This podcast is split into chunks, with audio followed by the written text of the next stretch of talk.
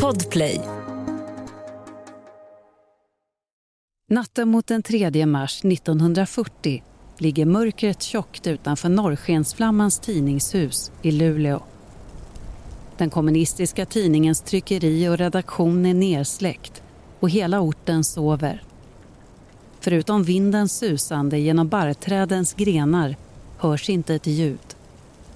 Ovanför tryckeriet ligger tio av tidningens anställda och sover i sina tjänstebostäder helt ovetande om vad som snart ska hända dem. Utanför tidningshuset smyger sig fem män närmare byggnaden. Sulorna på deras stövlar knarrar mot snön när de rör sig över gårdsplanen för att ta sig in. De har med sig tändhattar och andra sprängmedel som de börjar placera ut inne i huset.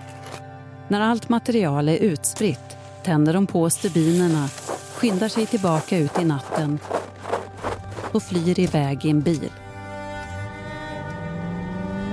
Bakom dem lyser explosionen upp den mörka vinternatten som ett gigantiskt tomtebloss i ett kolsvart rum.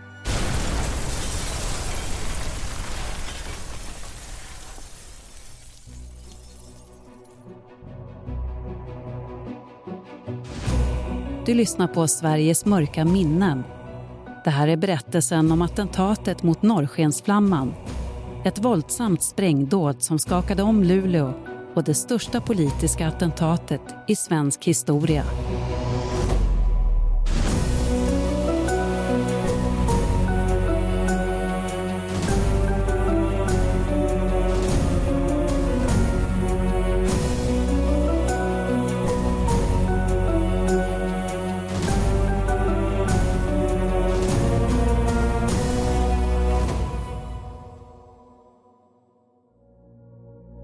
Det är en orolig tid i Europa.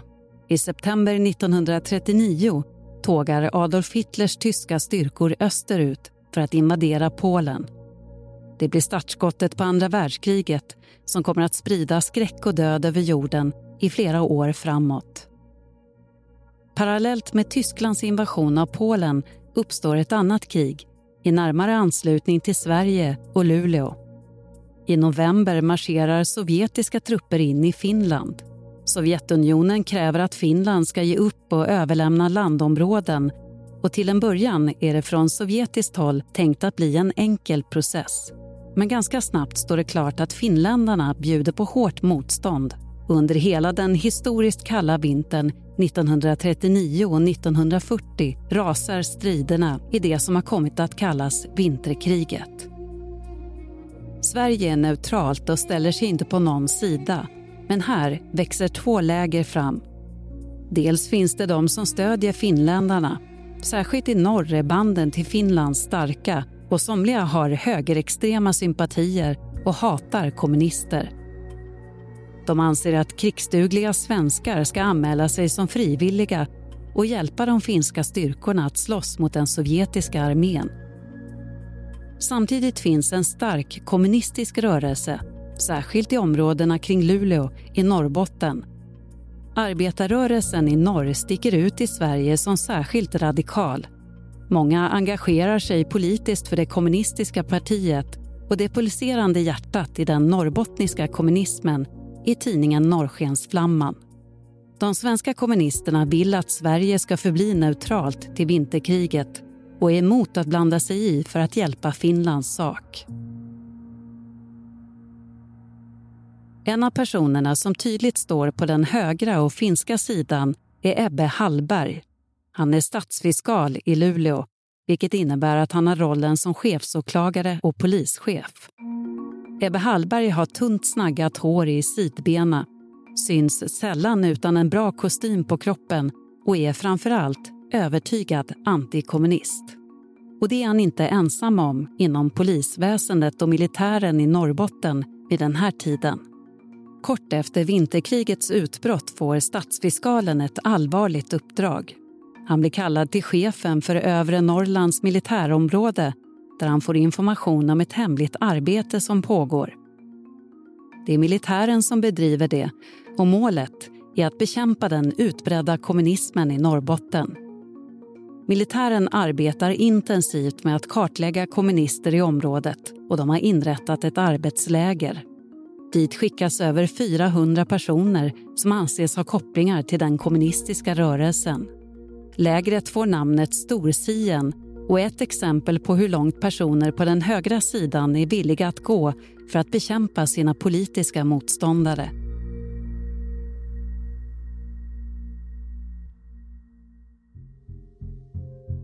I januari 1940, medan vinterkriget rasar i Finland samlar stadsfiskalen ihop en grupp människor. Fyra militärer och en journalist från den politiskt högerorienterade tidningen Norrbottens-Kuriren. Tillsammans bildar de en kommitté som ska arbeta för bekämpandet av kommunisterna. Kommittén träffas med jämna mellanrum på Stadshotellet i Luleå där de äter middag och diskuterar under kommitténs diskussioner växer en eskalerande ilska fram mot norrskensflamman. Statsfiskalen misstänker till och med att tidningen får pengar från Sovjetunionen. Det verkar alltså som att de inte bara är kommunister utan också landsförrädare. Så nu börjar kommitténs arbete huvudsakligen rikta in sig mot tidningen. Man vill till varje pris stänga ner redaktionen och tryckeriet som sprider det kommunistiska ordet i området. En rad olika idéer läggs fram för att lyckas med målet. En tanke är att försöka värva anställda på tidningen till militären för att därefter kunna skicka dem till arbetslägret i Storsien. Ett annat förslag är att strypa tillförseln av papper till tryckeriet och på sikt försätta företaget i konkurs.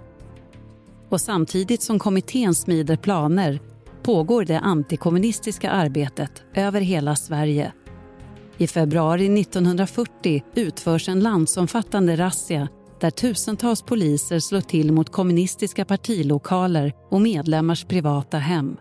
Även Norrskensflammans lokaler söks igenom men inget hittas som visar på samröre med Sovjetunionen. Frustrationen växer hos stadsfiskal Hallberg och hans kommitté. Efter flera veckors intensiva möten landar gruppen i en mer extrem lösning vars brutalitet ska eka över Luleå i flera decennier framöver.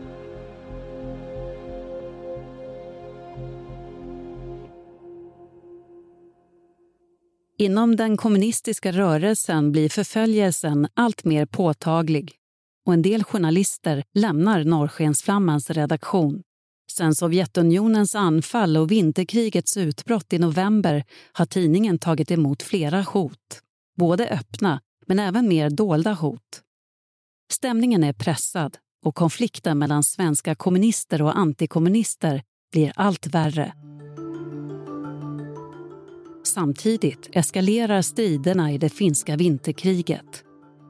Den 21 februari 1940 släpper sovjetiska bombflygplan ett hundratal bomber över Pajala i Tornedalen nära gränsen till Finland. Bombningen verkar ha varit ett misstag och ger inte några allvarliga konsekvenser. Men den eldar ändå på konflikten mellan kommunister och antikommunister i Norrbotten. Kommunism är för många direkt förenligt med Sovjetunionen. Om Sovjet nu har attackerat Sverige så finns det enligt deras logik inget försvar för att stödja den kommunistiska ideologin. Det är under den här perioden och de här omständigheterna som skribenten Filip Forsberg reser till Luleå från Stockholm för att återgå till sitt arbete på Norrskensflamman sent i februari 1940. Filip Forsberg är född och uppvuxen i Norrbotten och har gjort sig ett namn i kommunistiska kretsar som skicklig skribent och dedikerad socialist. Han har jobbat på Norrskensflamman under 20-talet och sen flyttat till Stockholm för en anställning som redaktör på den kommunistiska tidningen Stormklockan. Filip Forsberg är 35 år. Han har kort slickat hår, bred mun och är känd för att ha tagit ställning mot fascismen i Spanien. Han är dessutom tidigare dömd till två och ett halvt års fängelse för uppvigling efter en händelse vid ett möte utanför Skellefteå. Philips passion för den socialistiska rörelsen har gett honom smeknamnet Röde Filip. Och det hänger fortfarande kvar när han kommer tillbaka till Luleå för att förstärka Norrskensflammans sargade redaktion. Men oavsett hur pressad stämningen är mellan kommunister och antikommunister vid den här tiden så kan inget förbereda Röde Filip och hans kollegor på vad som snart ska utspela sig i Norrskensflammans lokaler i Luleå.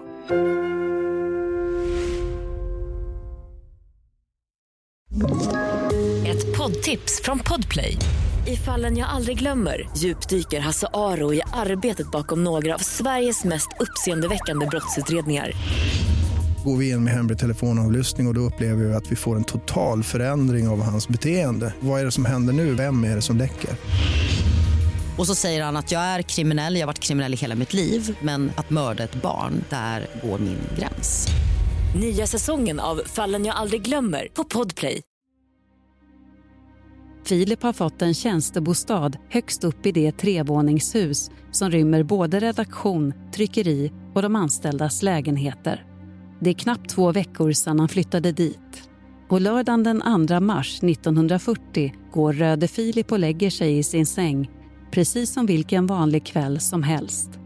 Men innan solens första strålar tränger igenom det kompakta marsmörkret har allt hunnit förändras.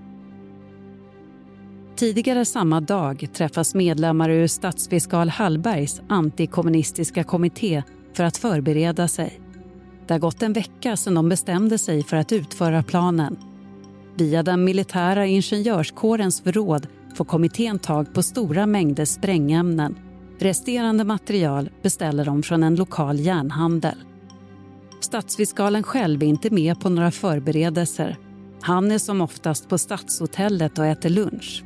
Men under eftermiddagen kommer en av kommitténs medlemmar dit för att informera honom om läget. Sen beslutet om aktionen togs har stadsfiskalen stått lite vid sidan av och nu blir han förvånad när han hör att utförandet ska ske redan ikväll. Men han finner sig snabbt i situationen och börjar ge order. Han säger att männen ska utföra dådet klockan tre på natten och att de ska åka längs den södra sidan av älven när de lämnar platsen ifall stadsfiskalen skulle bli tvungen att stänga av de andra vägarna runt stan. För att undröja misstankar mot sig själv måste han agera i enlighet med sin roll som polischef när dådet väl är utfört. De övriga medlemmarna i kommittén fortsätter att förbereda sig i deras bostäder. Sprängämnen och stubiner packas i två stora väskor och planen gås igenom med hjälp av en skiss över Norrskensflammans hus. Först vid niotiden på kvällen beger sig männen mot stan. Men färden stoppas snabbt när de kommer på en inte så oviktig detalj. Flera av militärerna är klädda i uniform och det är inte den bästa idén när de ska utföra ett anonymt dåd. Ett snabbt stopp görs i en av militärernas bostäder där de hämtar trenchcoats och pälsmössor att täcka sig med och sen fortsätter färden igen mot Stadshotellet. Där stannar männen i ett par timmar de slår sig ner i den lördagsstimmiga matsalen och beställer in mat och dryck. Stämningen i gruppen är förväntansfull. Stadsfiskalen har festat med ett annat sällskap på hotellet under kvällen och när männen kommer slår han sig ner vid deras bord. Han ska inte medverka under attentatet och vill bara höra att allt går som det ska. Och det gör det. Planen är spikad och i det här läget vill gruppen mest få tiden att gå. Under timmarna på hotellet äter de middag, dricker öl och grogg och hinner till och med dansa en sväng.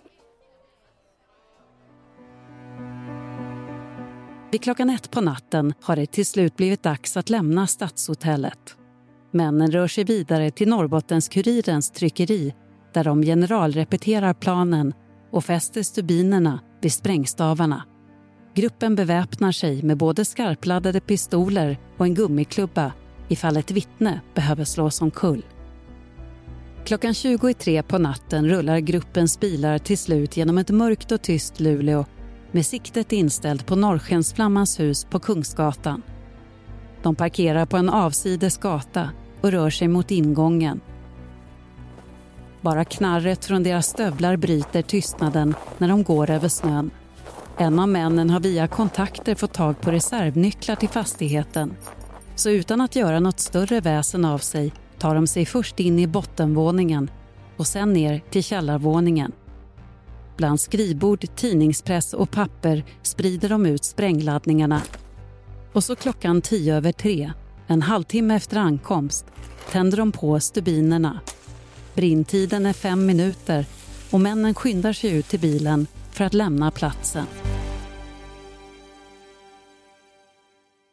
Röde Filip vaknar plötsligt av flera öronbedövande smällar.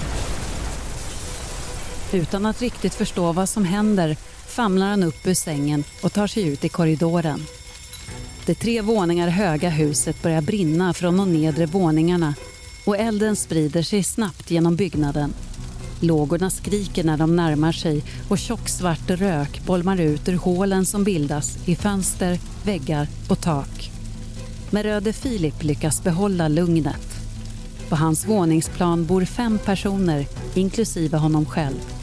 Snabbt lyckas han samla ihop de andra och sätta igång en räddningsplan. Filip hämtar flera lakan som han knyter ihop till en lång livräddningslina. Efter några minuters intensivt arbete kan han och de andra som bor på våningen fira ner sig i snön i den isande natten. De är omskakade, vissa allvarligt brännskadade, men vid liv.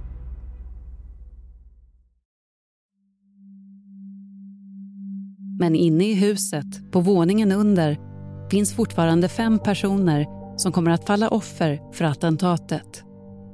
I lågorna dör tidningens ekonomichef, hans fru och deras åttaåriga dotter. Även en korrekturläserska dör i branden tillsammans med sin tolvårige son. Attentatet mot Norrskensflamman markerar kulmen på en lång tid av förföljelse och hot mot kommunister i Norrbotten och Sverige och den kommer att bli ihågkommen som en mörk fläck i Sveriges historia. Men attentatsmännen är på gott humör. Ungefär en timme efter dådet anländer de till en av militärernas bostäder på regementet i Boden, knappt fyra mil utanför Luleå. Gruppen firar ett lyckat attentat och männen skålar i champagne innan det bjuds på smörgåsar, kaffe och grogg.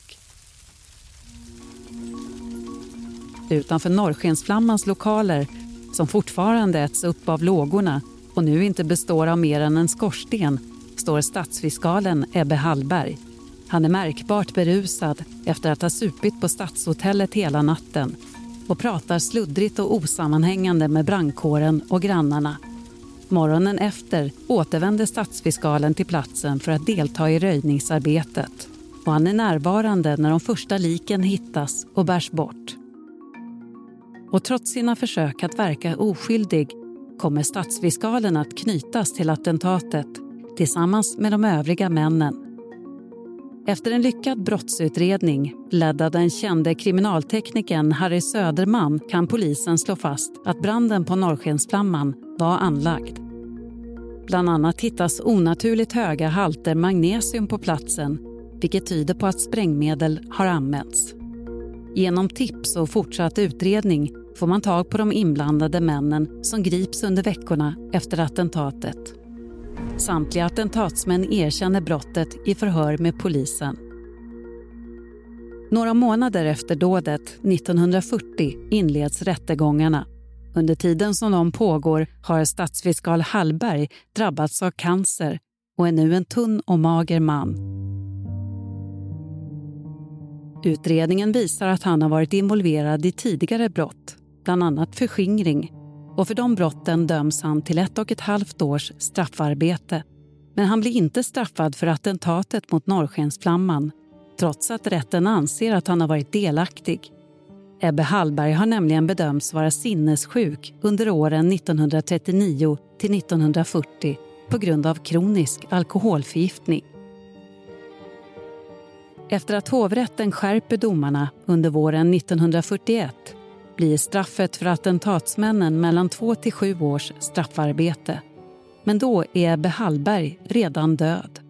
Han avlider på sjukavdelningen på Långholmens fängelse i mars 1941. Dödsorsaken är njurcancer. Domarna mot attentatsmännen och statsfiskalens plötsliga bortgång är knappast någon tröst för de människor som miste sina anhöriga och kollegor i det fasansfulla sprängdådet mot Norrskensflamman. Men sorgen över vad som har hänt stoppar inte redaktionen. Trots de förlorade liven och de enorma materiella förlusterna börjar tidningen tryckas igen. Redan sommaren efter attentatet ges den ut i Luleå tack vare stor hjälp från traktens arbetare. Röde Filip fortsätter sitt högljudda och passionerade arbete så fort pressarna går igång. Och det gör han fram till hösten 1944 då han läggs in på sjukhus. Han blir bättre och skrivs ut men avlider ändå hastigt och oväntat av en blodpropp kort efter sjukhusvistelsen, bara 39 år gammal. Än idag ges den socialistiskt rödlysande tidningen ut. 1987, 47 år efter det fasansfulla attentatet flyttar redaktionen till Stockholm och byter namn på tidningen till Flamman. Kvar på Kungsgatan i Luleå finns idag bara ett monument rest 60 år efter dådet till minne av dem som dog i attentatet den där mörka marsnatten 1940 i Norrskensflammans tidningshus.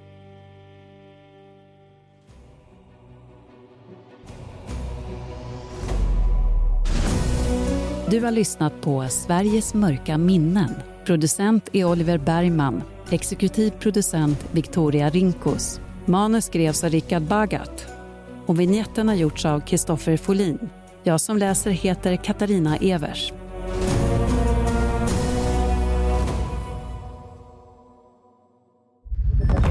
Podplay, en del av Power Media. Ett poddtips från Podplay. I fallen jag aldrig glömmer djupdyker Hasse Aro i arbetet bakom några av Sveriges mest uppseendeväckande brottsutredningar går vi in med hemlig telefonavlyssning och, och då upplever vi att vi får en total förändring av hans beteende. Vad är det som händer nu? Vem är det som läcker? Och så säger han att jag är kriminell, jag har varit kriminell i hela mitt liv men att mörda ett barn, där går min gräns. Nya säsongen av Fallen jag aldrig glömmer på Podplay.